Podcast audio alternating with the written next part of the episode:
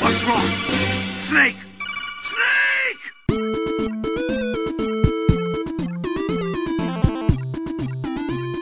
Witam Was serdecznie w Nowych Gorących Krzesłach, odcinek 32. Ja jestem Krzysiek Seran, ze mną przy mikrofonie siedzi Rafał Siemaneczko. i Kamil Borek. Hello. E, dobrze, newsy. E, newsy krótko. Mm, sytuacja z Blizzardem się rozwija. Opisywałem na fanpage'u konkretnie jak. W tym momencie zrobiła się jeszcze polityczna, bo amerykańscy politycy się zainteresowali, więc to wciąż w jakiś sposób eskaluje. Z drugiej strony Blizzard sam trochę zła złagodził kary dla Blitzchunga. Jakby Znaczy, rzeczy się dzieją. Tak, Złagodził, ale jednocześnie też ko- kolejne osoby ukarał. Rozumiem, że chcie, chcą wszystkich równo traktować. Znaczy, oni Tydzień, tydzień się zastanawiali, czy będą Mhm. ich równo traktować, skoro tym razem to Amerykanie, ale w Znaczy- końcu stwierdzili, że tak. znaczy to, to jakby to nie jest, że tak powiem, do końca nowa informacja, bo oni razem z Blitzchungiem y, ukarali dwóch y, tych casterów, którzy, którzy z nim tam prowadzili Oni po wywiad. ro, robili Tak. z nim wywiad. Oni, stra- E. oni stracili y, pracę po prostu. E, tak, jakby w, oni, te, oni też chyba, a nie, nie, wo, wobec nich chyba nic nie złagodzili, czy nie, czy tam Nic ograniczyli. ten e, ale to jest taki, to jest taki mafijny ruch na zasadzie, bo to nie jest oni nie mogli nic zrobić na to. To nie jest to, że jakby ich, że zadali mu pytanie, o co jest dla ciebie ważne w świecie polityki, czy cokolwiek. Oni nie mogli nic zrobić, ale to jest po prostu taki ruch, który ma innym pokazać, że jeśli to zrobicie jeszcze raz, to nie tylko wy ucierpicie, ale też inne osoby postronne. Bo to jest jakby, to jest jedyne, co, e, jedyne, co ma jakby logiczny, logiczny sens. No tak, ale znowu, to nie jest news, to jakby Nie, to się to nie wydarzyło. jest news, tylko, tylko po prostu jakby dotarło to do mnie dopiero później, jakby czemu właściwie oni zostali ukarani. No Ciekawe, tak. czy przejmą się tym, co senatorowie zrobili. Wiesz co, to, jest, to nie jest nic oficjalnego, to jest tylko Mhm. grupka paru republikańskich i demokratycznych senatorów i kongresmenów i Aleksandria Ocasio-Cortez, a kongresmanka. E, Natomiast samo to, że sprawa eskaluje i wyszła poza światek Mm. i sportu, gier, jakby prasy growej i social mediów, pokazuje, że coś się dzieje. Czy coś to zmieni? Cholera wie. Zobaczymy. W każdym razie na bieżąco jakby, jeśli sytuacja rozwija się ciekawie, wrzucam to na fanpage, więc zapraszam na gorące krzesła. E, Skoro już zapraszam na gorące krzesła, to może w ogóle ogłoszenia parafialne wrzucimy tutaj, a nie na koniec, kiedy nikt ich nie usłyszy. Jestem za. E, Ten odcinek ukazuje się dzisiaj, zaledwie tydzień po poprzednim odcinku, bo stwierdziliśmy, że zaczniemy ten sezon w ten sposób. Natomiast od tego momentu przestawiamy krzesła na tryb dwutygodniowy. Nowy odcinek będzie co, co dwa tygodnie.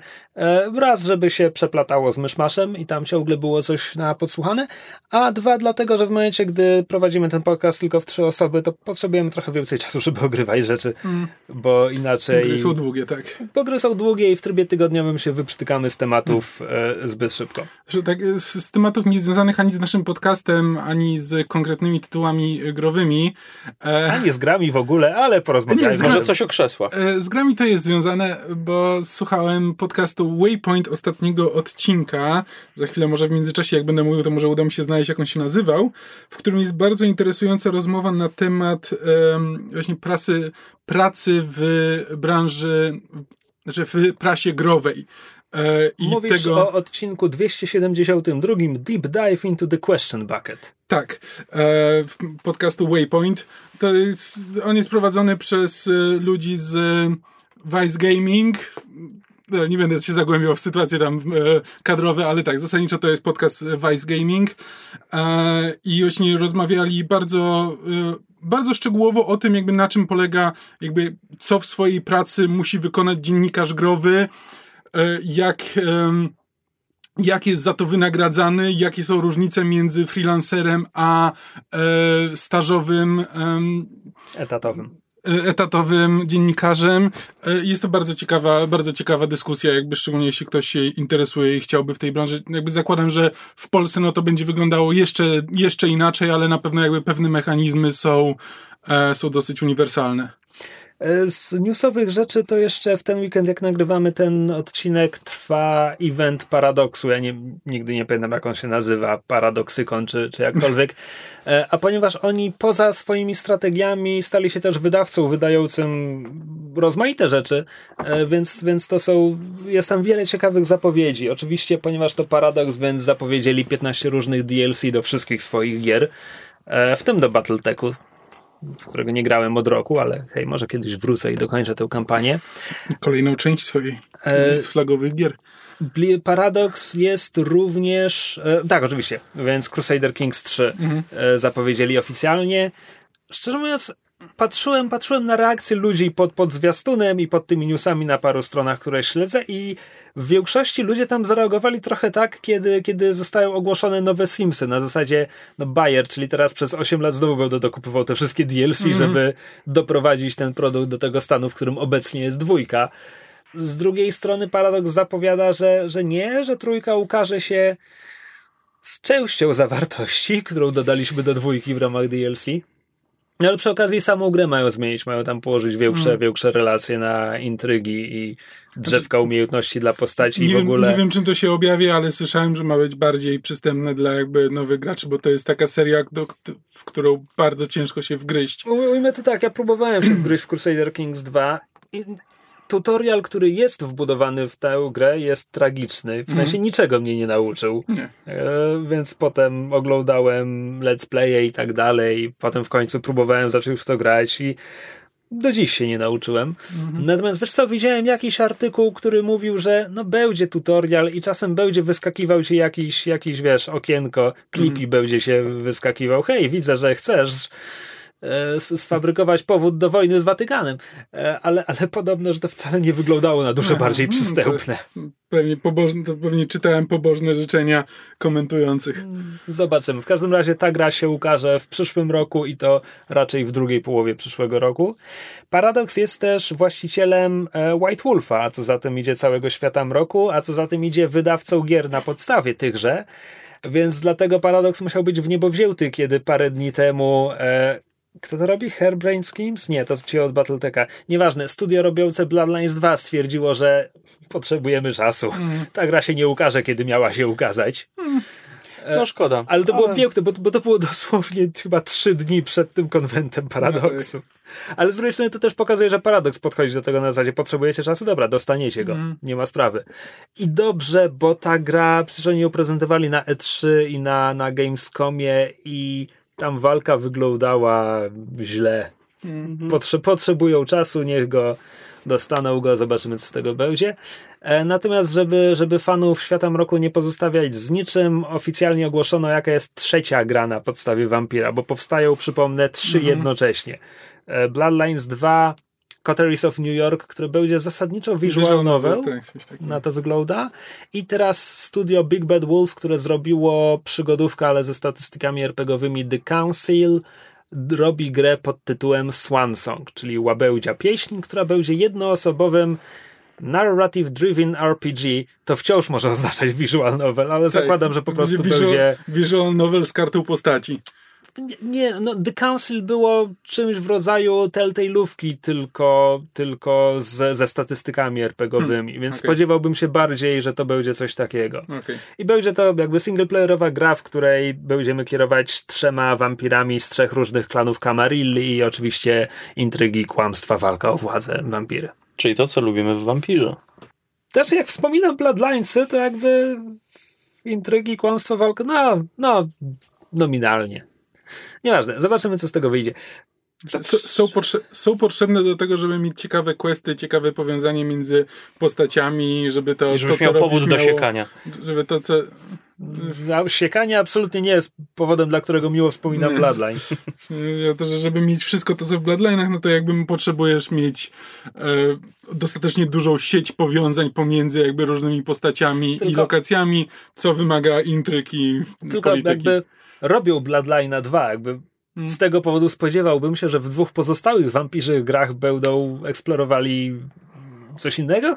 Zobaczymy. Nie wiem, chyba, chyba nikt jeszcze nie wymyślił, co można eksplorować w, w maskaradzie poza tymi rzeczami. Zobaczymy. Będziemy mieć trzy gry, żeby się przekonać. Nas trzech, trzy gry. Mm. Znaczy one będą wychodziły w tak dużym odstępie czasu od siebie, że to nie ma poza tym nie, znaczenia. ma- nie ma mowy, żebym ja nie zagrał w ten e, Bloodlines 2, e, a zamiast tego zagrał w, nie wiem, w to Visual Novel. Jeśli chodzi o newsy, to ja się wyprztykałem.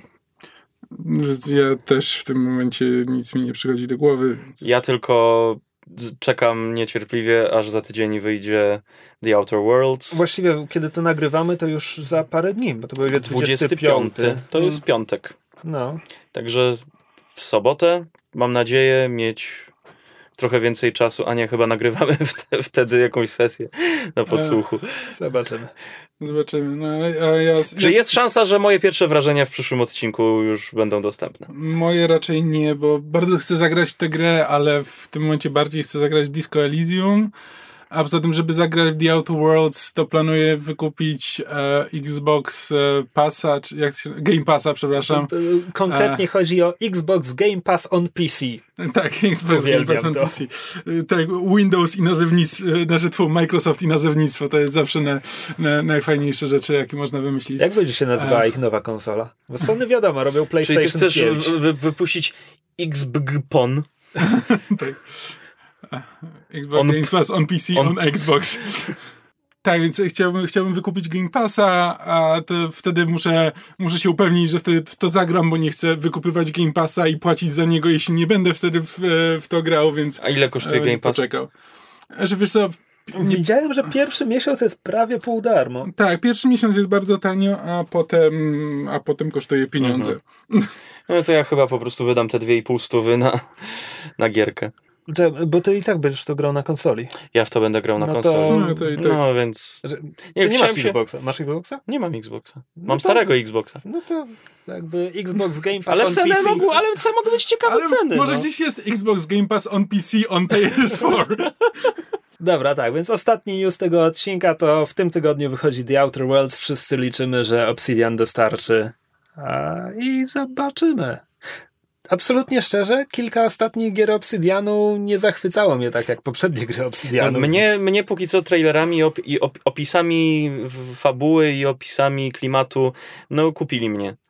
E, bo no też wi, widzieliście, jeżeli śledzicie nasz fanpage, moją reakcję, no Firefly troszeczkę, troszeczkę ja w tym Mass Effecta. Ja tam widzę właśnie Fallouta i Borderlandsy z, z, z ten. Może to ta. Fireflyowość jest bardziej w fabule gdzieś ukryta. Mam szczerą nadzieję. Znaczy, Z tego ty- co słyszałem, to nie bardzo. Zamknijcie się obaj! Zamknijcie Okej. się obaj! Okej, więc powiedziałeś sobie, że ta gra będzie Fireflyowa i dlatego będzie Fireflyowa. I znajdę w niej coś Fireflyowego. Okej. E, Xbox Game Pass na PC kosztuje e, w pierwszym miesiącu 19 zł, a w, każdy, w każdym kolejnym 40. To biorąc pod uwagę, że The Outer Worlds będzie kosztował, nie wiem, 200-250 zł na starcie, to wciąż jest parę miesięcy, gdzie można przejść tę grę na Xbox Game Passie on PC, PC i wciąż wyjść na... Tak, a potem, a potem jeśli ktoś bardzo chce do tego wrócić albo mieć to w bibliotece, to kupi sobie na promocji za połowę ceny za parę miesięcy, więc... To Wsz- wszyscy w to inwestujemy. Cze- E, Trzeba mieć jeszcze PC, na którym No, no tak. pójdą gry. Dobra, tyle segment newsowy. Przejdźmy do rzeczy, w które ostatnio graliśmy. U, u! Co takiego, Rafał? Co? Mały ty mi wpadł do studni. Nie, ja grałem e, w Mutant Year Zero i bardzo mi się ta gierka podobała, bo była w końcu grą krótką, którą można było w miarę, w miarę szybko i przystępnie w sobie wchłonąć. E, owszem, nadal miałem problemy, bo musiałem w to grać na laptopie, bo ta gra była dostępna za darmo na Epic e, Store. Mój laptop pozwalał mi zagrać może jedną misję, zanim się zagotował, ale i tak, i tak, takie, takie małe dawki by, były wystarczające. A kiedy mówisz, że to jest krótka gra, to ile mniej więcej? Do 20 godzin, do 20 do 30 godzin bym może po, powiedział. Zależy jak dokładnie chcesz eksplorować i na jakim poziomie trudności grasz, bo im nawet na, na normalnym poziomie trudności ta gra nie jest łatwa. Kamil, ty w to grałeś trochę. grałem w to tak, e, ale nie skończyłem i podobało mi się, ale... No ale to z, do, dojdziemy jeszcze do Mhm. tego, co tam E, gra podobało? polega na tym, taki zarys historii jest taki, że e, w przyszłości e, ludzkość e, pra, prawie przestała istnieć, jakaś choroba wybiła zdecydowaną większość populacji i my jesteśmy mutantami, które żyją na takiej na czymś, co jest nazwane arką. To wygląda jak platforma wiertnicza, że nie można się mm, łatwo, bezpośrednio z poziomu ziemi dostać na wyższe poziomy, jeżeli nie należysz do tej społeczności. Grasz mutantem, który jest wysyłany do zony, czyli do, na te niebezpieczne tereny, żeby zbierać złom, żeby zbierać niemal- technologię. Niemal dokładnie jakby to, czym jest zona w Stalkerze, czy jakby wcześniej w pikniku na skraju drogi. Po prostu te Nie. niebezpieczne miejsce, gdzie dzieją się dziwne rzeczy i są różne jakby frakcje, które Wiemy, wiem, wiem ze zwiastunów, że w tej grze gramy kaczką i świnią, ale to są zmutowani ludzie, którzy przyjęli zwierzęce cechy, czy jak w żółwiach ninja to była kaczka i świnia, które zmutowały w... No to właśnie trzeba, trzeba przejść e, tę grę, Rozumiem żeby to, dowiedzieć okej. się. To, to, to właśnie jest jakby wplecione w fabułę i na końcu gry jakby dowiadujemy się skąd te mutanty się Okej. wzięły, bo, bo te konkretne mutanty nie wzięły się, nie są powszechne tak jakby. Rozumiem. One są jedyne w swoim rodzaju i akurat Większość żyją. Są ludzie Jak z- żółwie ninja. Co tak, co, coś w tym stylu. Większość to są ludzie jakby ze zwierzęcymi cechami, jeśli się mutacja wy, wykształca, to tam jakieś skrzydełka ci nagle rosną czy coś, ale tak, żeby po prostu wyglądać jak zwierzę, to to jest rzadko. Znaczy, akurat wśród pięciu postaci, które mamy do wyboru, to tylko dwie wyglądają jak ludzie. Tak, mamy, mamy tak, mamy wielkiego knura, który No będzie tak. twoim tankiem, mamy kaczora, który będzie snajperem, mamy kobietę, która może korzeniami roślin władać i unieruchamiać wrogów mniej więcej. E, Mamy do tego lisicę, która No już tak, właśnie wygląda jak, lisicy. jak Mhm. lisica.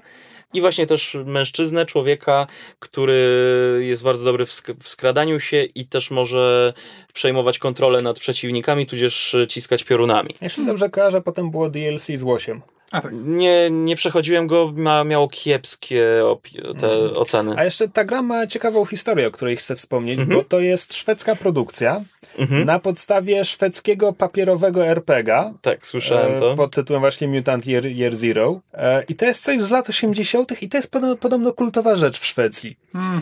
E, Do tego stopnia kultowa, że jeśli słyszeliście o RPG-u Tales from the Loop, Mhm. e, który jest tak trochę Stranger Things. Tak, to e, słyszałem. Jeśli dobrze kojarzę, on jest na przerobionych zasadach Mutant Year Zero, więc to jest jakby coś wciąż żywego w, jakby No tak. w sferze RPGowej w Szwecji. To tyle, to tyle. To są takie Lekcja szwedzkiej szwed- historii. Szwedzkie kryształy czasu. Mam nadzieję, że No, nie. To, to sporo tłumaczy, bo w jednej ze scen pod koniec gry jest, e, słyszymy transmisję z radia nadawaną i e, Sweden Area 01 respond, Sweden Area 01 respond, co- coś w tym stylu. Tam jest sporo takich na, naleciałości skandynawskich nawet w świecie chyba. No dobra, ale sama gra jest XCOM, XCOM podobna. Tak, jest XCOM podobna, tylko eksplorujesz e, w czasie rzeczywistym, jest point and click, chodzisz, szukasz złomu i e, jest duży nacisk na skradanie się nastawiony. Po prostu w pewnym momencie klikasz, wyłączasz latarkę. Po pierwsze, zasięg widoczności wrogów wtedy spada, jeżeli ty nie masz włączonego światła. Ty się wtedy wolniej poruszasz, e, no ale przynajmniej cię, cię nie, nie mogą wykryć. No i tak naprawdę potyczki sprowadzają się do tego, żeby najpierw obejść dookoła cało, cało, całe pole, na którym znajdują się wrogowie, z, zaplanować sobie bitwę, cichymi e, br- brońmi wyeliminować tych, którzy odchodzą jakoś samotni od grupy i dopiero potem ro, rozpocząć właściwą walkę z zasadzki. Jest bardzo dużo planowania i jeżeli od złej strony podejdziesz albo nie przewidzisz czegoś, to umrzesz. Tak naprawdę dużo, duża część walk sprowadza się do tego, żeby wyeliminować w pierwszej rundzie lub maksymalnie dwóch e, najsilniejszego wroga, bo jeżeli tego nie zrobisz, to jego umiejętności ci wszystkie szyki po, pokrzyżują, wezwie posiłki spoza mapy, wskrzesi tych, których ty zabiłeś wcześniej. No Właśnie, widziałem to jako argument przeciwko grze, Właśnie że, to jest, że to jest to, mój argument przeciwko grze głównie jakby e, że każda walka się sprowadza trochę do tego samego i że można dojść do sytuacji, w której e, jeśli nie masz odpowiedniego sprzętu, to fizycznie nie jesteś w stanie w jednej turze położyć tak, bo przeciwnika. to jakby to skradanie jakby nie daje ci żadnych dodatkowych decyzji. To nie jest tak, że możesz się zdecydować, że teraz się podkradniesz i spróbujesz to załatwić szybko i po cichu, albo po prostu wejdziesz e, i będziesz próbował, próbował swoich sił z większymi siłami wroga. Jeśli będziesz próbował swoich sił z większymi siłami wroga, to zginiesz. E, jakby praktycznie, wiesz, praktycznie nie da się tego, nie da się tego obejść. Jeśli nie zrobisz tam rundy dookoła, to Mi się udawało czasem.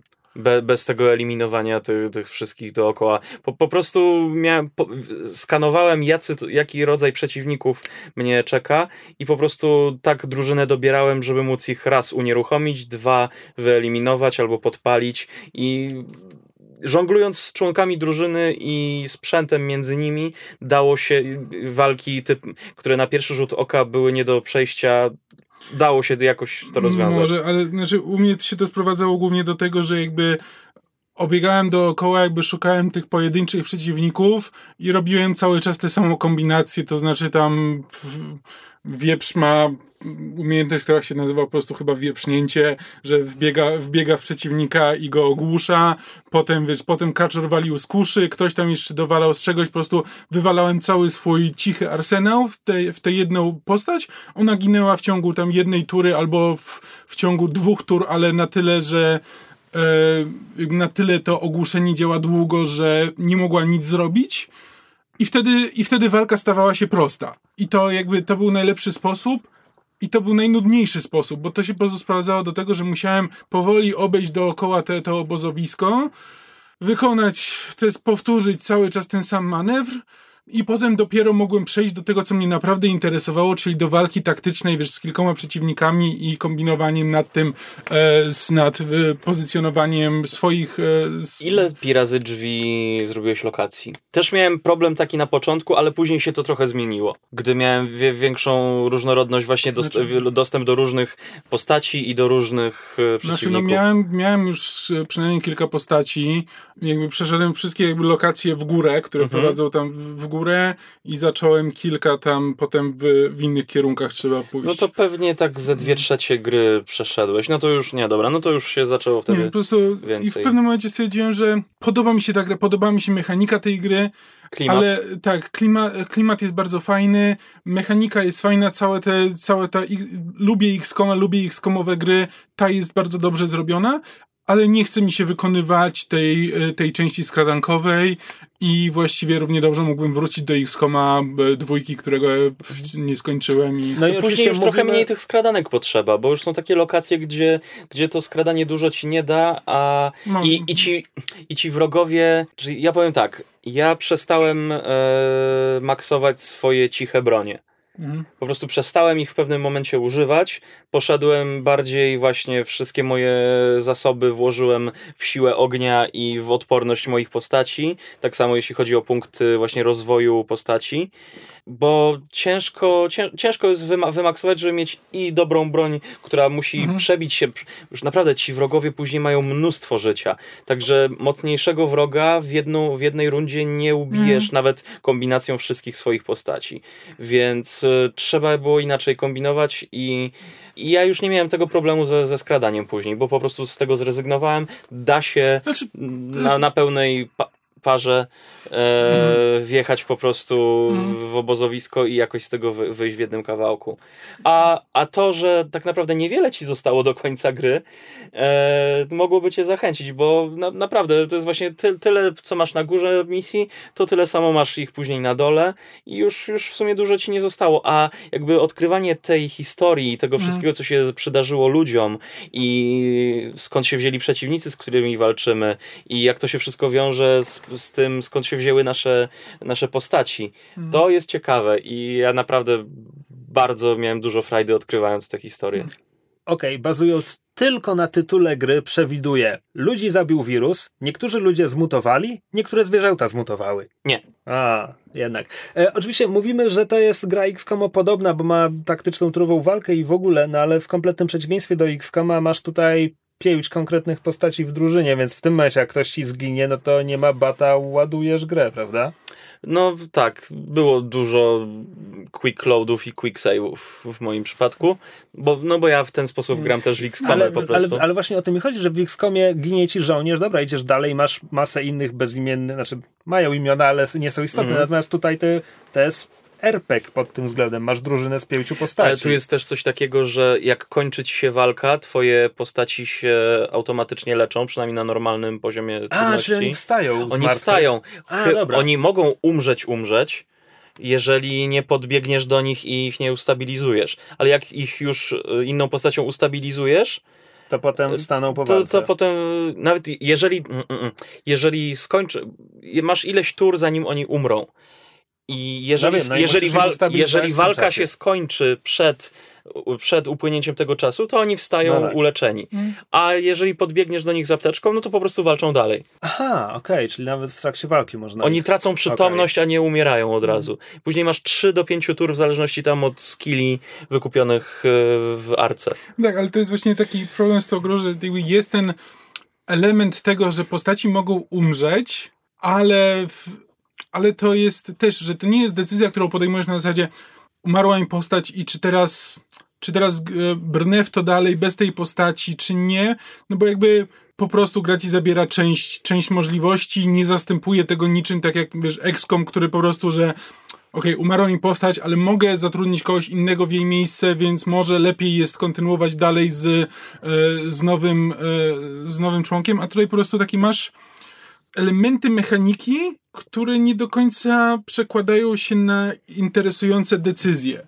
A, że właśnie, że jest skradanie, które jest niejako obligatoryjne i jakby każdy z tych każdy z tych argumentów, które teraz powiem, można obalić. No tak, ale jeśli zrobisz coś tam, jeśli będziesz w to grał, jeśli będziesz grał w tę grę w ten sposób, to nie musisz tego robić, albo to wtedy tak działa. Tylko, że to właśnie się sprowadza do tego, że gra cię bardzo mocno jakby kieruje na konkretny sposób gry i e, trochę, trochę, mnie to, trochę mnie to odrzuciło jakby w pewnym momencie, że właśnie, że widziałem tego typu decyzje, które nie bardzo rozumiałem, nie wpływają na moją, nie wpływają na moją rozgrywkę, tylko wpływają na to, że są pewne rzeczy, które mam poczucie, że muszę zrobić. I nawet jeśli to wynika z, czysto z mojej psychiki, że ktoś mi powie, że nie, nie, nie, no ja, w, u mnie jedna postać umarła, ale jakoś tam dotarłem do końca.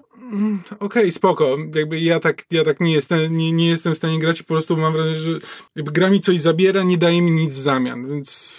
Mm, okej. No dobra, czyli mamy, mamy dwugłosą Mutant Year Zero, Rafał jest czysto pozytywny, Kamil jest mieszany. Tak, tak. Nie mówię, że to jest doskonała gra. Po prostu sprawiła mi sporo frajdy, dobrze mi się wgrało, mogę Jest- ją polecić z czystym sumieniem. bardzo dobra, jest po prostu kilka rzeczy, które mnie trochę ten, trochę z... Jeśli dobrze kojarzę, to w CD Action dali chyba 6 z plusem tej grze. No, wow, City Action. That's a name I haven't heard in a long No. time. Nie kupiłem, przejrzałem w kiosku. Nie, nie wiem, czy jest coś bardziej dla mnie obojętnego niż ocena, którą grze wydało CD Action. Nawet nie wiem, czy tam ktokolwiek, ktokolwiek jeszcze pisze z ludzi, których, których bym Ja mam wrażenie, kojarzył. że tam ciągle piszą ci sami ludzie. Mm, w większości się te imiona przewijają. jeszcze żyją? A, mam wrażenie, że to było 50 lat temu. E, Nie jesteś aż taki stary. e, Ale oni muszą już być. Kamil, a ty? Co grałeś? Ostatnio grałem w John Wick Hex i jakby w zeszłym tygodniu wspomniałem w odcinku, że to bardzo dobra gra. Wtedy dopiero ją zaczynałem. W tym momencie znowu... Prostowanie? E, Tak, to, znaczy to jest sprostowanie na takiej zasadzie jak moje opinie na temat e, Mutant Year Zero. Uważam, że to jest bardzo dobra gra, ale jest w niej parę decyzji, które, e, które mnie osobiście em, Obrażają. tak, po prostu do głębi. E, nie, które po prostu sprawiają, że oj, a gdybyście to zrobili tylko trochę inaczej, to to by była o tyle lepsza gra. Przykład. Chodzi o to, że to jest, e, to jest też turowa gra taktyczna. Symulator kierowania Johnem Wickiem. Tak, grasz tylko jedną, jedną postacią, jest nią John Wick. Znany z filmów. John Wick. Tak. Zamiast tur, to jest, e, jeśli ktoś grał w Frozen Synapse, to to jest jakby trochę podobny, e, Symultaniczne tury? tak, że zamiast e, podejmować decyzje w turach, to każda twoja akcja zajmuje ileś tam czasu. I po każdej akcji jakby pauzuje się gra i podejmujesz dalsze decyzje. Czyli za każdym razem, kiedy masz do podjęcia jakąś decyzję, to gra się pauzuje i wtedy, i wtedy decydujesz, czy na przykład strzelisz do kogoś, co zajmuje tam, wiesz, powiedzmy jedną sekundę, ale możesz też w niego rzucić pistoletem, co zajmuje 0,8 sekundy. E, To jest, b- to jest jakby ładnie zwizualizowane, bo są paski, e, paski, które pokazują, jakby wizualizują to, jak długo czasu, jak dużo czasu zajmuje jakaś akcja. Na górze masz pasek, jakby każda kolejna akcja pokazana, ile zajmie teraz czasu, a pod spodem masz akcje przeciwników. Więc na przykład widzisz, że jeśli przeciwnik do ciebie w tym momencie celuje, to widzisz na tym pasku, że na przykład, że on zdąży do ciebie strzelić, zanim ty zdążysz do niego strzelić. Więc możesz podjąć decyzję na zasadzie, że nie, w takim razie ja nie będę strzelał, tylko ukucnę, e, żeby się schować za, e, e, za czymś. Tylko, że tak, jako symulator Johna Wicka, to trochę nie do końca, nie, czy nie czuję się tam jak, jak John Wick, grając w to do końca. E, Bo nie jest tak łatwo za, zabić 20-40 wrogów, tak? to też. Nawet pod koniec, pod koniec każdej misji, jak skończysz misję, to masz taką opcję obejrzenia, jak ta akcja wyglądała w czasie rzeczywistym, bez tych wszystkich pauz, bez podejmowania decyzji. Tylko, że czekaj, ja widziałem, widziałem gameplay z tej gry i ona rozgrywa się na siatce heksów, co oznacza, że John Wick nie idzie nigdzie w linii prostej, tylko zygzakuje. Pra- tak, więc To potem musi ogląda... wyglądać idiotycznie. To wygląda całkowicie idiotycznie. To wygląda kompletnie beznadziejnie i nie dość, że jakby John Wicks jakby cały czas wszędzie chodzi zygzakiem, czy wiesz, pewnie na heksach możesz pójść w linii prostej, ale gdzieś w pewnym momencie musisz skręcić. No jakby te linie proste są zazwyczaj dosyć krótkie, a e, mapy są tak ułożone, żeby ich nie było jak za dużo, więc e, de facto wszędzie chodzisz zygzakiem. E, Poza tym animacje nie przechodzą w siebie płynnie, więc jakby idziesz chwilę zygzakiem, nie ma tak, że wiesz, że John Wick chowa się za załomem. Więc na przykład jeśli ja wychodzę za, za ściany, żeby wypalić, schować się za ścianę, no to John Wick po prostu wychodzi za ścianę, podnosi pistolet, strzela w kogoś, odwraca się i, i człapie znowu za tę samą ścianę. E, więc to O. wygląda tak. Nie ma na przykład takiej, wiesz, takiej prostej rzeczy. Możesz w tej e, grze wykonać e, roll. E, Przewrót. Możesz przewrót wykonać. Żeby wykonać przewrót, nie możesz wykonać przewrotu ze stania. Żeby wykonać przewrót, musisz ze stania ukucnąć i dopiero wykonać przewrót. Trochę jak John Wick na lekcji WF-u. Dokładnie. To jest wiesz, takie... John Wick, SKS-y. Więc tak, nie czułem się tam szczególnie jak, e, jak John Wick. I sama, te, sama ta mechanika jest fajna, jest, jest interesująca, ale mam wrażenie, że z jednej strony to dobrze, że twórca próbował to uprościć, że nie, widać ewidentnie, to tworzył Mike Bithell, e, który ewidentnie nie chciał tego rozbudowywać tak, że możesz e, Mike Bittell jest twórcą gier indie, ale nie pamiętam w tym razie, których konkretnie. On zrobił Super Hexagon? Ja nigdy nie jestem w stanie tego zapamiętać. Sprawdzałem to już ze trzy razy i za każdym razem nie, nie mogę sobie przypomnieć, co on tak naprawdę zrobił. E, Ewidentnie chciał, żeby to była dosyć jakby proste, żebyś miał ograniczoną ilość tych wyborów, ale żeby one były interesujące, ale to właśnie nie do końca działa. To znaczy, wiesz, możesz, możesz strzelić w kogoś i każdy jakby strzał ma procentową szansę trafienia. Przepraszam bardzo, Mike Bittell nie zrobił Super Hexagonu, zrobił gry Thomas Was Alone i No Volume. Mhm. I w żadną nie grałem, więc dlatego ja jakby znam nazwisko, ale nie, y, nie znam jego twórczości. U, przepraszam, wrócę do jednej rzeczy, którą właśnie wy- wygooglałem. E, Paradox zapowiedział również na przyszły rok grę Werewolf the Apocalypse Earthblood, które ma być action RPG w świecie mroku, gdzie grać się będzie wilkołakami. Niestety nie, Znaczy- nie pokazali rozgrywki, ale ma być action RPG Werewolf. Znaczy ta gra była zapowiedziana bardzo, bardzo, bardzo dawno temu. Teraz co najwyżej A, powiedzieli, pokazali, że pokazali zwiastun. to faktycznie może być coś nowego. Więc tak, masz w tej grze e, szansę trafienia. Co znowu sprawia, że to nie, e, nie czujesz się jak John Wick. Znaczy John Wick jak do kogoś trafia tak, jak do kogoś strzela, to trafia. A nie, że jeśli ktoś stoi 5 metrów od niego, to ma 90% szansy, więc może się zdarzyć, że o, nie trafił. Jakby ta gra by zdecydowanie lepiej działała, gdyby była e, tak jak zaprojektowana, tak jak e, Into the Breach na przykład. E, gdzie jakby wiesz, co się stanie, ale musisz rozwikłać jakby zagadkę, co zrobić, żeby na przykład, żeby uniknąć czyjegoś ataku. E, a nie liczyć na to, że 80% szansa akurat ci nie trafi. Bo do tego to się sprowadza, że jeśli na przykład stoisz gdzieś i widzisz, że ktoś do ciebie strzela, znaczy tak, jeśli stoisz za jakąś małą przy- zasłoną, e, to możesz kucnąć i wtedy, wtedy mm, tracisz jakby tę linię e, strzału i więc wtedy ci nie trafi. No ale jeśli nie jesteś w takiej sytuacji, to możesz się ruszyć, bo kiedy się ruszasz, to masz niższą szansę trafienia. W sensie, że ciebie E, trafi. Ciebie, tak, trafienia. Że jeśli akurat kiedy ktoś wykonuje ten strzał, ty jesteś w ruchu, to, to ma mniejszą szansę, żeby cię trafić. Ale to, to nie jest znowu interesująca decyzja, no bo albo A wyjdzie, kolei- albo nie. Nie mam poczucia, że o, udało mi się, bo zrobiłem coś sprytnego, Są tylko save'y? akurat e, nie, nie ma. E, jeśli umrzesz, to jakby misję wykonujesz. Znaczy misje są tam podzielone na e, jakby etapy. Te etapy nie są bardzo długie, ale no, jeśli zginiesz, to musisz zacząć od początku e, dany etap. Mhm. A czy, czy ty, e, ty możesz strzelać w, w ruchu? E, nie. Znaczy, znaczy nie, musisz się zatrzymać i z tego miejsca, w którym jesteś, e, wystrzelić. A no dobra, czyli jest to kiepski symulator Johna Wicka, a czy gdyby gra nie nazywała się John Wick Hex, tylko Mm, Tak, cokolwiek. E, Brian Taylor Hex, czy, czy wtedy byłoby to lepsze dla siebie?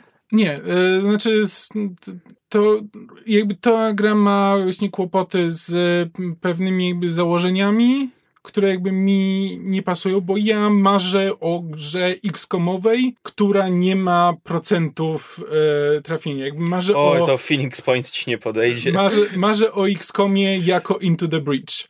I wydaje mi się, że, że John Wick Hex mógłby być tą grą i dałoby się ją zrobić właśnie w ten sposób, ale, Ale nie zrobili ale nie zrobili tego. I, e, I to, wiesz, ten, pewnie to pewnie, w pewien sposób jest subiektywne, ale po prostu to też się przekłada na to, że właśnie, że znowu brakuje interesujących decyzji, że jakby decyzja o tym, żeby się poruszyć, żeby obniżyć szansę z 80% do 60% nie jest interesująca, bo nie masz potem wrażenia, że tak, to ja zrobiłem, że wiesz, udało mi się wy, wykombinować plan tak, żeby, żeby uniknąć, tylko huh, tym razem się udało. I to też nie jest John, John Wick. No to już wracamy do tego, że to też nie jest John Wick. John Wick wie, co robi, jakby każda jego akcja jest nastawiona na to, żeby coś, e, żeby coś osiągnąć, a nie może wyjdzie, może nie.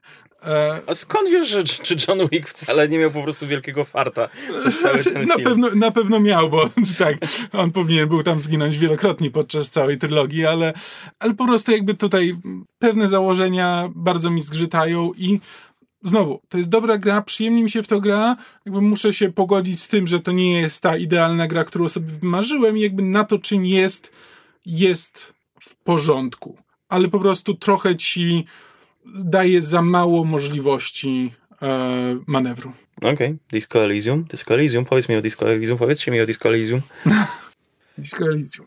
No, Możemy powiedzieć o Disco Elysium, ty prawdopodobnie grałeś więcej ode mnie. Tak, pierwsze co mogę powiedzieć o Disco Elysium to jest to, że nie pamiętam kiedy ostatnio gra tak mnie kupiła w pierwszych minutach i tak mnie wciągnęła. Mm. To znaczy ja zdążyłem spełnić przy tej grze na razie cztery wieczory, w trakcie których rozegrałem według Steama 11 godzin.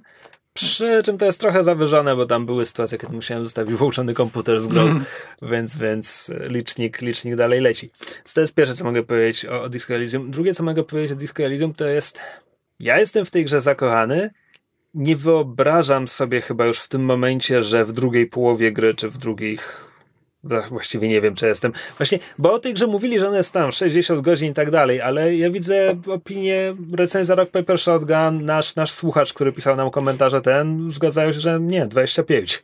Więc, więc trochę nie rozumiem, o co, o co tutaj chodzi. No, to, to by sugerowało, że zbliżam się do połowy gry.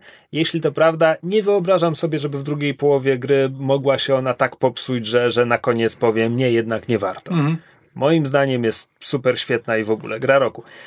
A jednocześnie jest to bardzo specyficzna rzecz dla bardzo specyficznych ludzi, takich trochę pretensjonalnych jak ja, e, bo praktycznie rzecz biorąc można by to nazwać visual novel. To jest gra, która rozgrywa się w całości w tekście, a jednocześnie na, nazwać ją visual novel byłoby nie fair, bo masz tu też eksplorację miasta, które, jest pięknie jakby przedstawione w takim y, trochę impresjonistycznym stylu. Znaczy jest jakby w izometrycznym rzucie, tak jak jakby każdy, e, kom, znaczy nie każdy, ale jakby w e, Jak klasyczne, klasyczne- komputerowe RPG, ale ma zupełnie jakby, ale styl graficzny jakby Ale i jest ogólnie ładny. styl ma inny. Jest, jest ładny, jest, jest, to jest ładna gra w sposób, w jaki ja o żadnym izometrycznym RPG Mhm. wcześniej nie myślałem, że to jest ładna gra.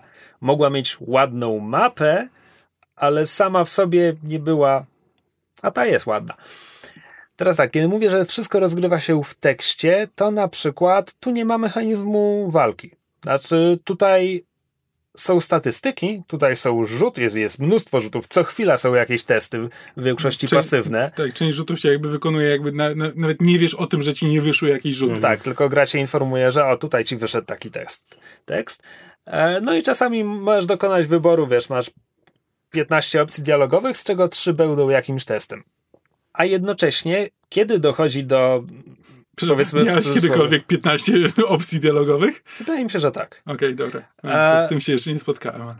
A, a kiedy w uproszczeniu dochodzi do sceny akcji, to jest to tak jakbyśmy my tutaj siedzieli na kanapie i grali w RPGa i jest to opisane w tekście na zasadzie zbierasz się, masz tu do, do wyboru, nie, cofam się, albo tak, robię to, daję to i wtedy, i wtedy jest tekst, tekst, tekst Okej. i widzisz animację, jakby twoja postać wizualnie jest przedstawiona, że ona coś zrobi, ale mechanicznie wszystko jest w tekście. Okej. Więc no, przy tym jest to bardzo bogata proza. Jest to proza opływająca w przymiotniki. Tak. Znaczy, właśnie to jest coś, co mnie w sumie fascynuje, bo już parę razy właśnie w podcastach, które zazwyczaj których ja słucham, które zazwyczaj jakby lubią e, prozę w grach i jakby doceniają, dużo o niej mówią i tak dalej. Jakby wielokrotnie taką słyszałem opinię, że ktoś nie chce dać się porwać temu, że no to ma po prostu taki styl właśnie opływający w przymiotniki i że bardzo łatwo e, bardzo łatwo dać mu się porwać, ale czy, ale czy za tym stoi jakieś znaczenie? Jakby ja mam takie podejście, że rozumiem to trochę, ale też z drugiej strony jest dla mnie wartość w tekście, który jest ładny, nawet jeśli nie stoi za nim e, do końca znaczenie, ale jakby w Disco Elysium, w Disco Elysium moim zdaniem to znaczenie tam jest. Jakby Moim nie, zdaniem też. Moim zdaniem też. Dobra. E, na czym gra polega, już tak trochę bardziej konkretnie? Grasz z człowiekiem, który przeżył właśnie totalne załamanie. Znaczy nerwowe, a także trzydniową popijawę i zażywanie mocnych prochów. I, i, i by, była w jego życiu jakaś, właściwie trudno powiedzieć, pełna tragedia? Czy może tylko wyjątkowo zaawansowany kryzys wieku średniego, albo połączenie jednego z drugim? Trudno powiedzieć. Cokolwiek to było, w połączeniu z koktajlem alkoholu i narkotyków, doprowadziło do totalnej amnezji. Teraz myślisz sobie, mm, gra RPG, gram bohaterem z amnezją, oryginalne. Wyjdź z mojej głowy! Ale Disco Elysium po pierwsze i naprawdę idzie w tę stronę. To znaczy, ten bohater się budzi i nie wie nic. Jest Okej, czy jest to wykorzystane jakby w budowaniu świata i postaci, a nie tylko wymówką, żeby za, zacząć grę od początku? Więcej. To, bo, to, bo to nawet nie jest na tyle, że, że to ci uzasadnia, czemu ludzie ci tłumaczą, jak nazywa się miasto, w którym jesteś, chociaż to też tutaj jest.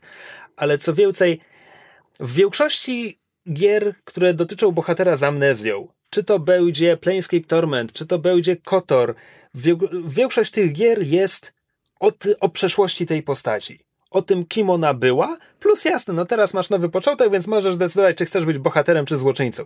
Nie Disco Elysium. Disco Elysium po, pokazuje ci bohatera z amnezją i tak, możesz się dowiedzieć pewnych rzeczy o swojej przeszłości, ale nie o tym jest ta gra. Ta gra jest o tym, jesteś czystą kartą, jakim człowiekiem będziesz.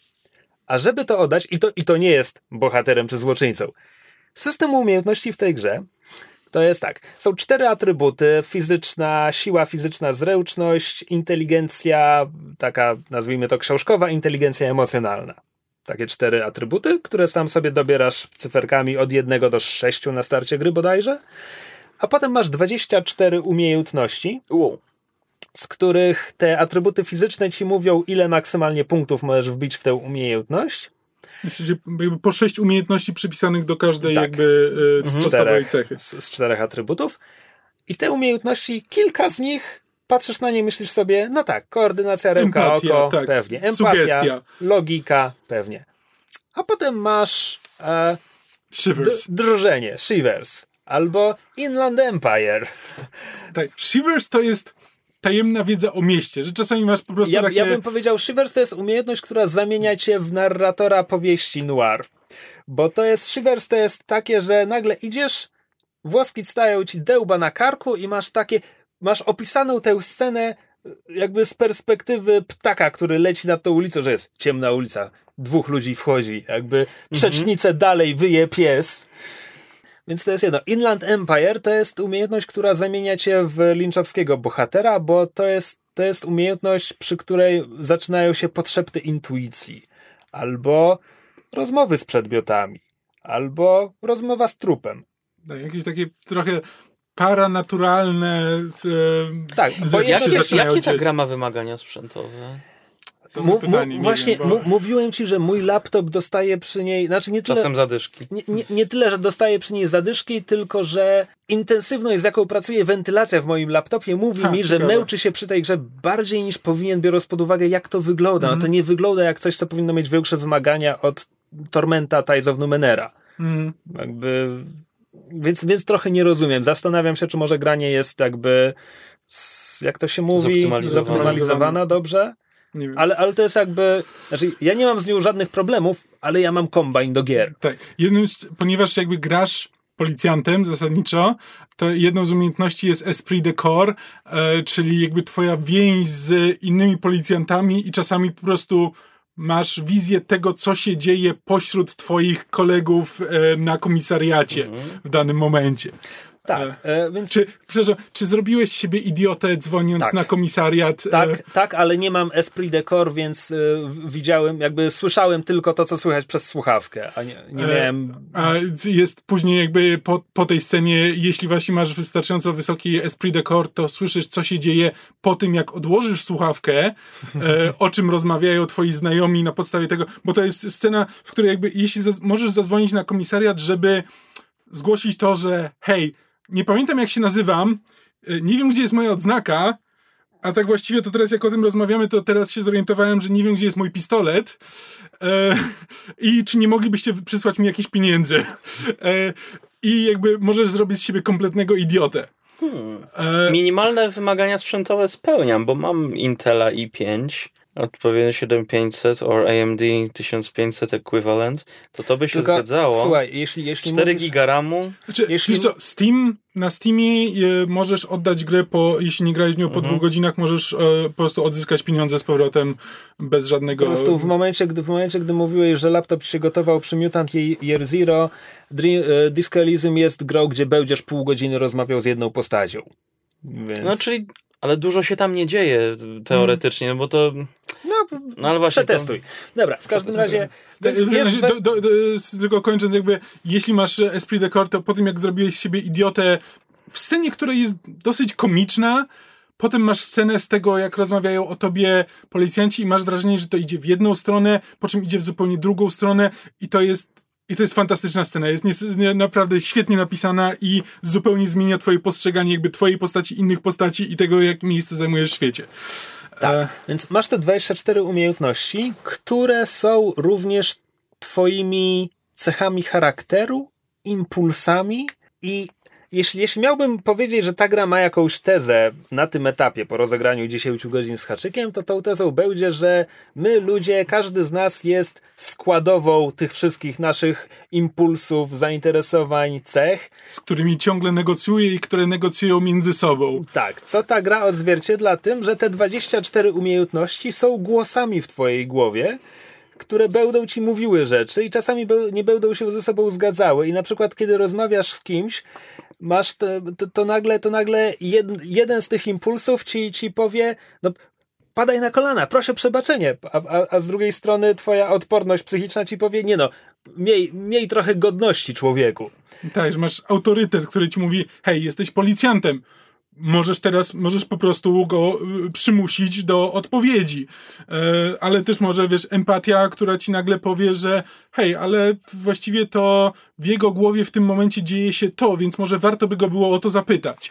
Tak. I ty możesz, i to jest tak, że zazwyczaj tego typu opcje dają ci możliwość e, jakby skorzystania z nich, że to nie jest do końca, to, to nie jest tak, że te, te, te Czę, właśnie- często masz opcję, żeby to zignorować. tak, Ale jeśli zdecydujesz się na opcję, zwłaszcza jeśli ona wymaga testu i oblejesz ten test, Mm. to wtedy gra daje ci tylko do wyboru same wyjątkowo złe kwestie i wtedy już musisz wybrać jedną z nich, bo sorry, zdecydowałeś się, nie, nie cofniesz się.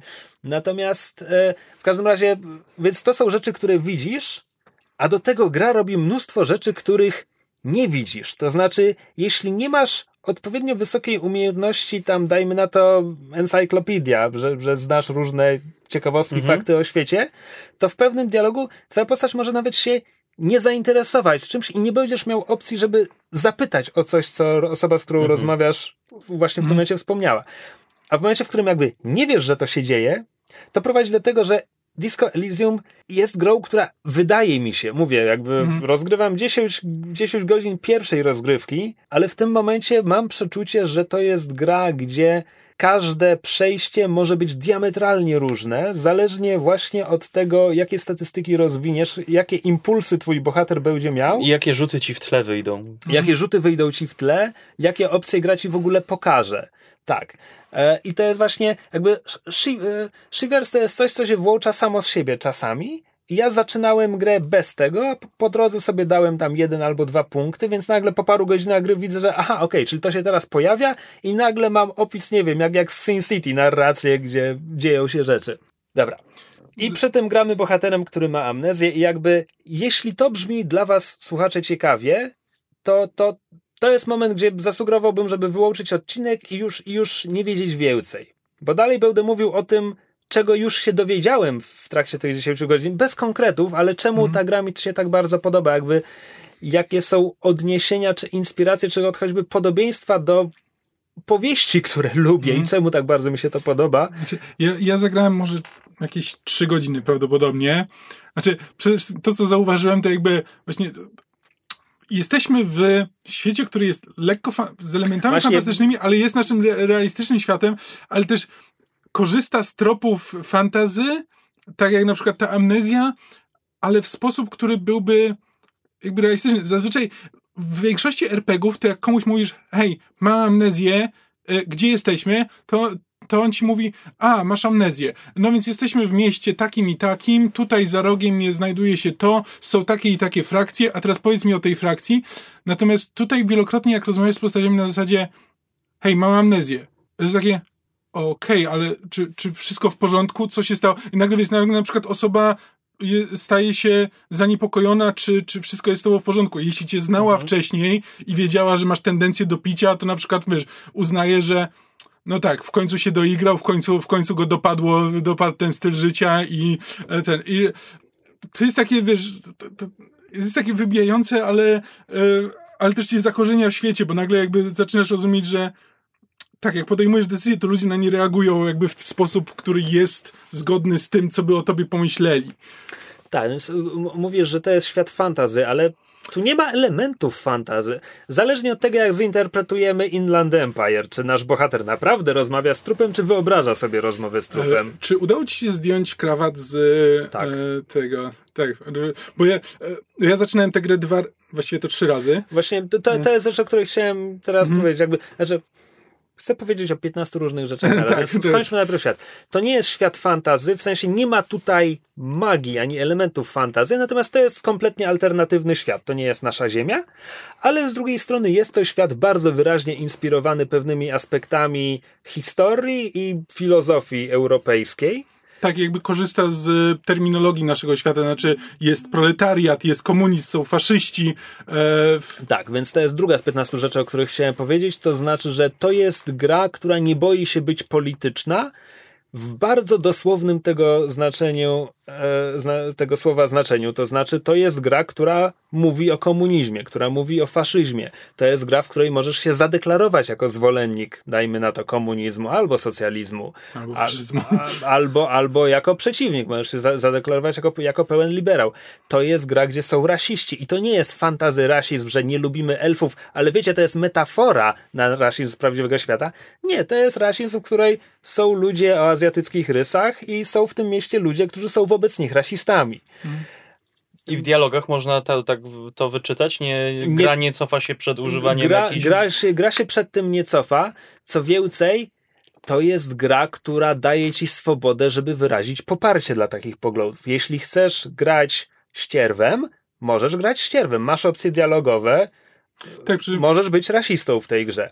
nie wiem jeszcze jak to się y, y, rozwinie, ale jakby widać już w grze, że gra Wtedy grasz niezależnie, w ścierwo Elysium. nieza, niezależnie od tego, co wybierzesz, gra e, w jakiś sposób próbuje skonfrontować twoje poglądy z rzeczywistością. E, to znaczy, jakby znaczy możesz w pewnym momencie zadeklarować, że jesteś feministą, e, ale, ale gra konfrontuje, na ile jesteś feministą. Czy jesteś tylko feministą, który mówi, że popiera kobiety, ale tak naprawdę, e, jak przychodzi co do czego, to, to, może, to może to są tylko puste słowa, e, może nie. Jeśli mówisz, że jesteś komunistą, no to tak, ale, e, ale czy pomyślałeś o tym do końca, czy, wiesz, czy, czy to... Czy, czy otwieramy już łagry? tak, dokładnie. I tego typu rzeczy. Więc jakby i niezależnie od tego, w którą, w którą stronę pójdziesz, gra będzie, będzie ci stawiała na drodze jakby pytania o to, czy przemyślałeś to, czy robisz to, z, z jakich pobudek wybierasz, podejmujesz takie decyzje, a nie inne, e, co tobą kieruje i co się stanie, jeśli to doprowadzisz do, do jakiegoś tam ekstremu.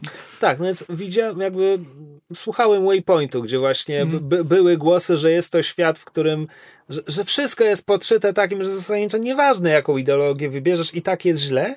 Ja zupełnie nie mam takiego Nie. odczucia, ale z drugiej strony, ponieważ wiem, jak rozbudowane i złożone są dialogi i system dialogowy i system umiejętności, który podszywa te dialogi, wyobrażam sobie, że, że tak, że ktoś może skonstruować taką postać i wybierać takie opcje dialogowe, że faktycznie każda interakcja będzie nieprzyjemna, ale to nie jest moje doświadczenie z tą Nie, grą. właśnie mówię, to jest bardziej jakby konfrontowanie cię jakby z realiami, a nie, a nie takie nihilistyczne stwierdzenie, że wszystko jest złe, niezależnie od tego, jakie decyzje podejmiesz, to jakby y, to w, każde ekstremum jest złe, a bycie pośrodku jest jeszcze gorsze, y, tylko po prostu na zasadzie to jest zadawanie pytań, na zasadzie, żebyś, żebyś myślał o tym, co robisz, czemu to robisz i z jakich pobudek. Z drugiej strony, gdyby jakiś człowiek ścierwo usiadł do tej gry i wybierał ścierwo opcję, nie jestem przekonany, czy gra mu na koniec powie, to było złe.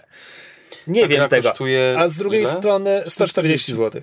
A z drugiej strony jakby sam się nie przekonam, bo nie chcę marnie, nie chcę grać taką postacią, nie chcę, nie chcę wybierać tych opcji. Więc, więc nie wiem. No na pewno jest to gra, która daje swobodę. A jednocześnie jakby przez, sam, przez samą swoją tematykę widać, że w ogóle zrobiło, zrobiło to estońskie studio Zaum, które zasadniczo jest kolektywem artystycznym, które postanowiło zrobić grę komputerową. Wow. Słuchaj, te, te wow, jakby można to powtórzyć jeszcze 15 razy po tym, Wow, jak zobaczysz, wow, wow. jakim, nie, nie rób tego, jak, jakim wyszła ich debiutancka gra. jakby, no, absolutnie są ludzie odczytani, to są ludzie, którzy są też ograni, w sensie jakby oni grali w RPG, oni na pewno grali Gra 15 dla razy w inteligentów, Planescape. stworzona przez inteligentów. Na pewno gra dla ludzi, którzy lubią czytać.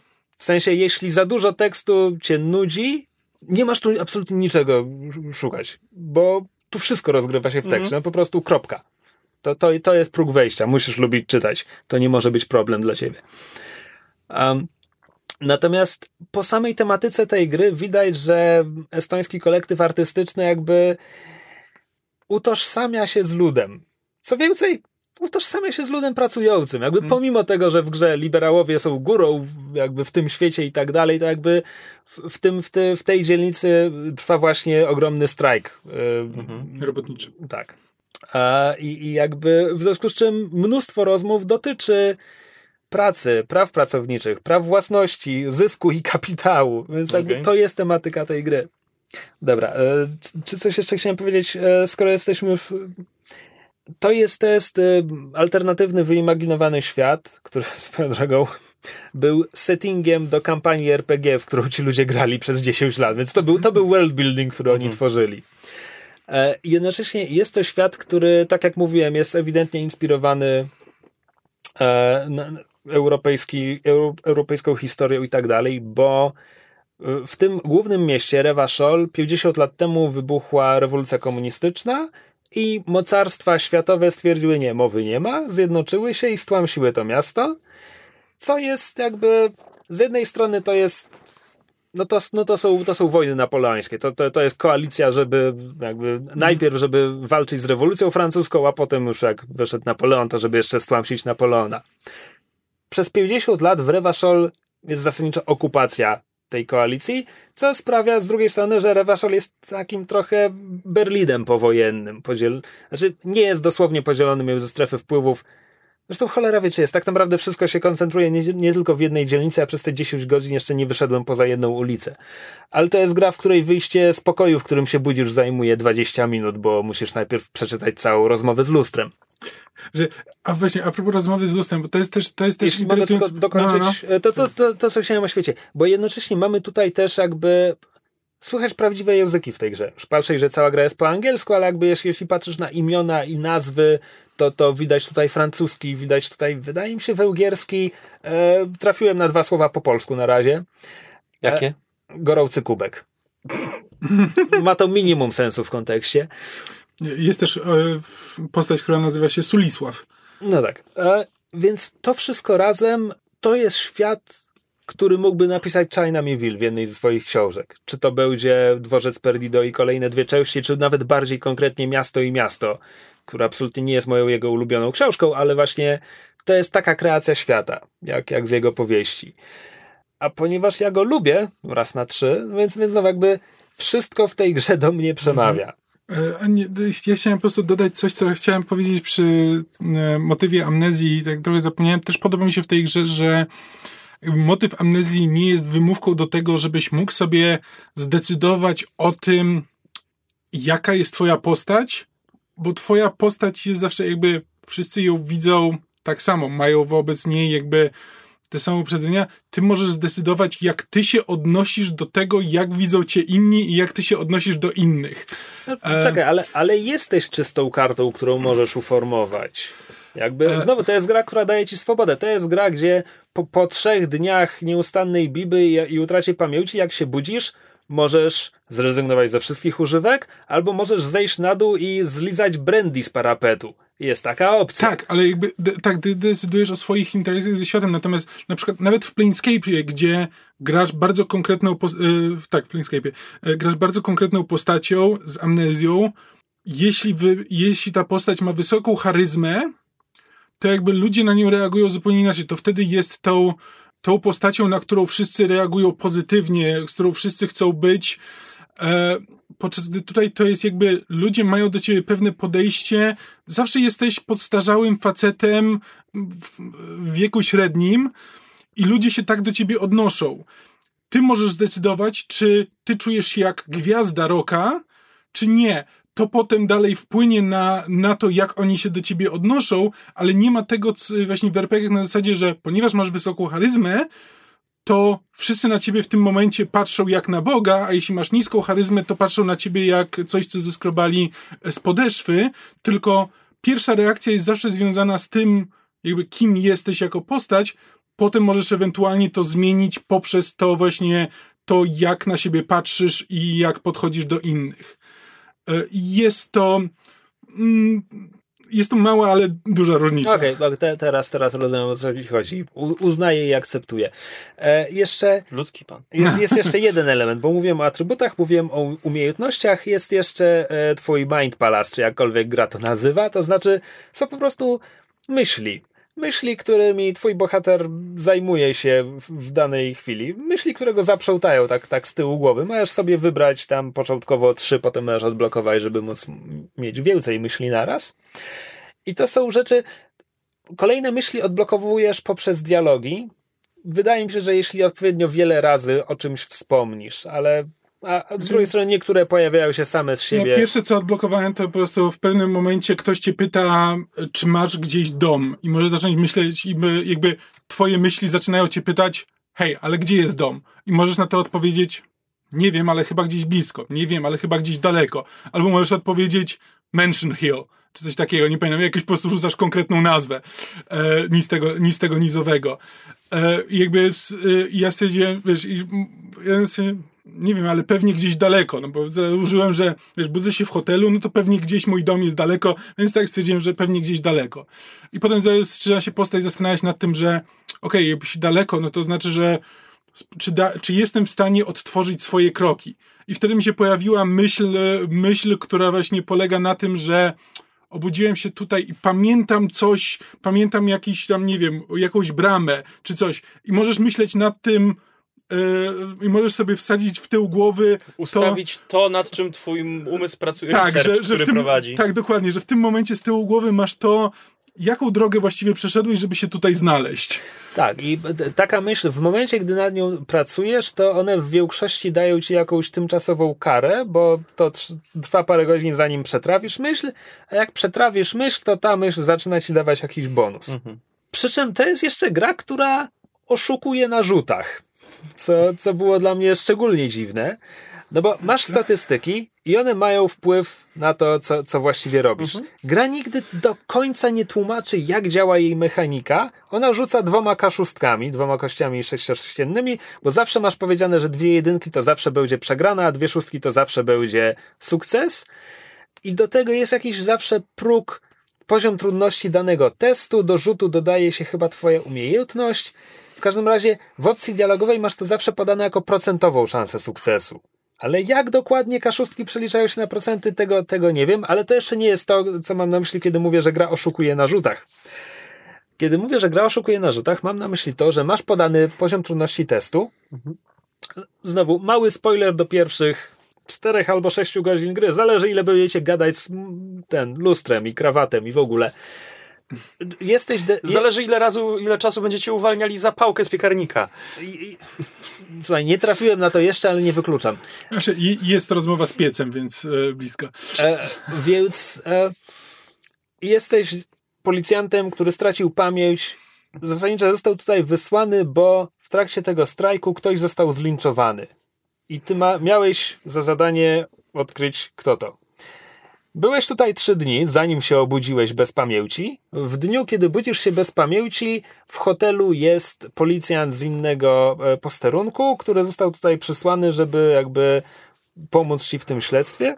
I to jest zresztą świetna postać, bo on na pierwszy rzut oka, to jest Kim Kitsuragi bodajże, na pierwszy rzut oka on jest takim typowym policjantem, sidekickiem, że on będzie tym by the book, wszystko według zasad, on jest opanowany, jakby nawet to, że jesteś tym szaleńcem, który stracił pamięć, tak nie do końca robi na nim wrażenie, on po prostu, no dobra, no, przepracujemy to jakoś.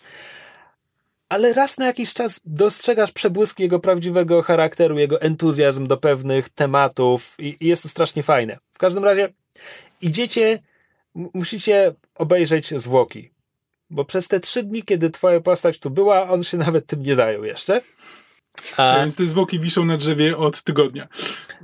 Tak. W związku z czym pierwsze, co się dzieje, to musisz pokonać smród. Musisz znieść smród, żeby zbliżyć się do rozkładających się zwłok, co jest testem na twoją wytrzymałość. Jest to bardzo trudny test na twoją wytrzymałość, więc jeśli go oblejesz, nie jesteś w stanie tego zrobić możesz próbować jeszcze raz. Jeśli znowu go oblejesz, to Kim ci mówi, dobra, słuchaj, zajmijmy się czymś innym na chwilę, może, może, może wiatr się zmieni i, i nie będzie aż tak, aż tak cuchnęło. I to ci daje myśl, bo, bo tam pada fraza tam get your shit together, czy coś takiego, to ci daje myśl volumetric shit compressor, którą musisz przepracować. I w momencie, gdy przepracujesz tę myśl, ona daje ci pewien bonus do twojej wytrzymałości, tej, która jest tam -hmm. testowana. Ale w momencie, kiedy podejdziesz do tego jeszcze raz, jeszcze raz próbujesz zbliżyć się do zwłok i spojrzysz tak naprawdę na liczby, to masz tam e, jakby, masz twoją e, cechę odporność, która jest podniesiona przez to, że ukończyłeś myśl Volumetric Sheet Compressor, ale w tym jednym wypadku dostajesz jeszcze jednorazowy, bardzo duży bonus za to, że ukończyłeś tę myśl. Bo tutaj gra oszukuje na liczbach, więc są tam sytuacje, gdzie są takie zasadniczo niemalże tajne bonusy, no bo dopóki czegoś nie zrobisz, to nie wiesz, że będziesz miał za to bonus. Mhm. Ale jakby nie wszystko wynika tylko prosto z twoich cech mhm. i tylko prosto z tych liczb. I rozgadaliśmy się o Disco Elysium, a, a ja jestem co, w jednej trzeciej gry w połowie no, tak, może. Ja dopiero tak naprawdę zacząłem. miałem... Więc jeśli miałbym to jakoś podsumować, to tak, to jest barwna, kwiecista proza, zależnie od tego, z czym akurat masz do czynienia i też zależnie od tego, który głos w twojej głowie się akurat odzywa, to jest proza, która przybiera różne różne rejestry, bo, bo mówiłem już o głosie, który, który zamienia się niemal w, trzecio, w trzecioosobowego narratora powieści noir. Ale jest też głos, który będzie ci mówił, świat jest brudny i brzydki i ty też jesteś brudny i brzydki i śmierdzisz. Więc są tam nieprzyjemne głosy. Jakby jak słyszę w innym podcaście, że ktoś mówi, że jakby wizja tego świata jest taka, że wszyscy są źli, nie ma dobra i, i nie można być idealistą, to ja mam takie, to nie jest moje doświadczenie z tą grą, ale rozumiem, czemu jakby ktoś może, może to wyciągnąć z tej gry, no bo może się tak zdarzyć i umiejętności mogą się tak ułożyć. E, więc na tym, na tym poziomie faktycznie dla kogoś to może być nieprzyjemne doświadczenie. Dla mnie jest fantastyczne. Jakby każdego wieczoru, kiedy siedziałem przy tej grze, miałem co najmniej jedną, a zazwyczaj co najmniej kilka sytuacji, gdzie po prostu byłem zachwycony prozą, albo dosłownie śmiałem się w głos, bo coś było naprawdę tak absurdalnie zabawne, albo coś było po prostu głęboko ludzkie i empatyczne i, i poruszające. I to jest piękne. Właśnie mam takie wrażenie, że, ten, że ta gra jest w ogóle takim eksperymentem w empatii, to znaczy to, co, to, co powiedziałeś właśnie przed chwilą, że ktoś może zagrać w tę grę i po prostu na podstawie tego, jakie, jakie akurat ma cechy charakteru, jakie postaci napotkał, jakie przypadkowe, jakie akurat impulsy u niego zadziałały, a jakie nie, jego wizja świata będzie zupełnie inna. I na przykład jeśli zagra w tę grę po raz drugi, z innym zestawem umiejętności, z innymi cechami, nagle się okazuje, że ta wizja była kompletnie błędna, bo jeśli patrzysz na świat inaczej, to, y, to zupełnie odbierasz, odbierasz całą resztę inaczej. I jakby mam wrażenie, że to jest jakby świadomy zabieg jakby twórców i jakby też oni by chcieli prawdopodobnie, żeby jakby gracze grali więcej niż raz, albo przynajmniej, żeby porównywali swoje doświadczenia. Bo to jest właśnie ten eksperyment w empatii na zasadzie, że ale ja tego tak zupełnie nie odebrałem. Jakby ta postać była zupełnie, zupełnie inna, jakby zupełnie, zupełnie inaczej odebrałem tę sytuację i, yy, i rozmawiając z innymi na podstawie ich doświadczeń, nagle się orientujesz, że zupełnie inaczej patrzą na świat w sposób, który w ogóle by ci nie przyszedł do głowy, no bo w tej grze nie mógł ci przyjść do głowy, po prostu jakiś tam rzut w tle ci nie wyszedł, gra ci o tym nie powiedziała, więc po prostu pewna wizja, wizja ci nie przyszła w ogóle do głowy. Tak, a jednocześnie to jest gra, w której jakby mamy rasistów i rasizm i, i mamy jakby mniejszości, przeciwko którym to jest to skierowane. Jest to gra, w której grasz białym mężczyzną, który na dodatek jest policjantem, czyli jest na, na pewnej pozycji w tym, w tym społeczeństwie, w związku z czym ma tę swobodę i, i em, przywilej, żeby no okej, okay, może, może wyrazić współczucie dla ofiary, ale gra daje ci swobodę, żebyś dołączył do uciskających i znowu to jest no, każdy wyciągnie z tej gry co innego może, może przez to. Jednocześnie twórcy mówią, że czytałem wywiad, w którym mówili, że oni mają, mają pomysły na jakby inną grę w tym samym świecie, mają pomysły, w ogóle główny scenarzysta ch chciałby napisać grę, której bohaterką byłaby kobieta w ciąży. E, z, zdaje, się, zdaje się dlatego, że miałaby rozmawiać ze swoim nienarodzonym dzieckiem. E, tylko nie wiem, no, ja, ja liczę, że ta gra odniesie sukces, bo znowu, to jest pierwsza gra tego studia. No. I w momencie, gdy to Tw- jest. ich- Tworzona od lat w dodatku. tak, tak, od bardzo wielu, bo jakby ja usłyszałem o tej grze, kiedy jeszcze nazywała się No Truth with the Furies, ale już była na etapie, który pokazywano dziennikarzom, a to było 2-3 lata temu. Więc jeszcze ile, ile lat wcześniej nad nią pracowali, żeby w końcu. Ale było warto. Jakby te lata pracy, ja jestem zachwycony. A, I strasznie bym chciał, żeby ta gra odniosła sukces, żeby oni mogli tworzyć kolejne, bo jestem, jestem strasznie ciekaw po prostu tego, jeśli to jest ich debiut, to co mogą zrobić potem. Mhm. Tak. Zostać kupieni przez dużą firmę.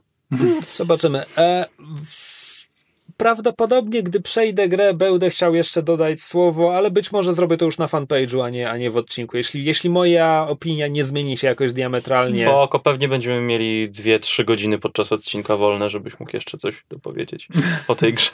Haha. Dobra, to chyba już wszystko w tym odcinku. Tak mi się Chyba wydaje. Świetnie. E, w takim Ja jeszcze nie wypadku- skończyłem Borderlandsów, znudziły mi się. No to, Słuchaj, I chyba nie skończysz, bo zaraz The Outer Worlds, więc... Nie, myślę, że w ciągu tego tygodnia dokończę, bo już daleko, daleko nie mam. No tak. skoro się tak przerzucamy, to ja nie odpaliłem Gridfalla, odkąd nagraliśmy poprzedni odcinek. O. A, dobra, dziękujemy Wam za uwagę i poświęcony nam czas. Jeśli chcecie nam zostawić jakiś komentarz, możecie to robić pod tym odcinkiem na Facebooku albo e, na Facebooku na fanpage'u Gorące Krzesła albo na YouTubie, gdzie te odcinki również trafiają. Możecie nam wysłać maila na krzesłamałpa.podsłuchane.pl E, Na YouTubie odcinki są na kanale podsłuchane.pl Co jeszcze mogą nam zrobić? Mogą nam wystawić recenzję w apce podcastowej albo na iTunesach, albo cokolwiek, to jest zawsze miłe. I to chyba wszystko. Mogą zasugerować, jak, jak, jakie by chcieli zmiany w formacie? Może byście chcieli, żebyśmy zrobili ten odcinek, w którym gramy w Heroesy podczas nagrywania. Tak rozegramy dwie tury, to będzie fascynujące. E, w każdym razie, tak, teraz to Ale już byłoby, wszystko, ale byłoby autentyczne. prawda? I tak jak mówiliśmy na wstępie, teraz słyszymy się, czy wy słyszycie nas za dwa tygodnie. Ale za tydzień mysz masz. Ale za tydzień mysz masz. To jest. Cześć. Na razie. Jo.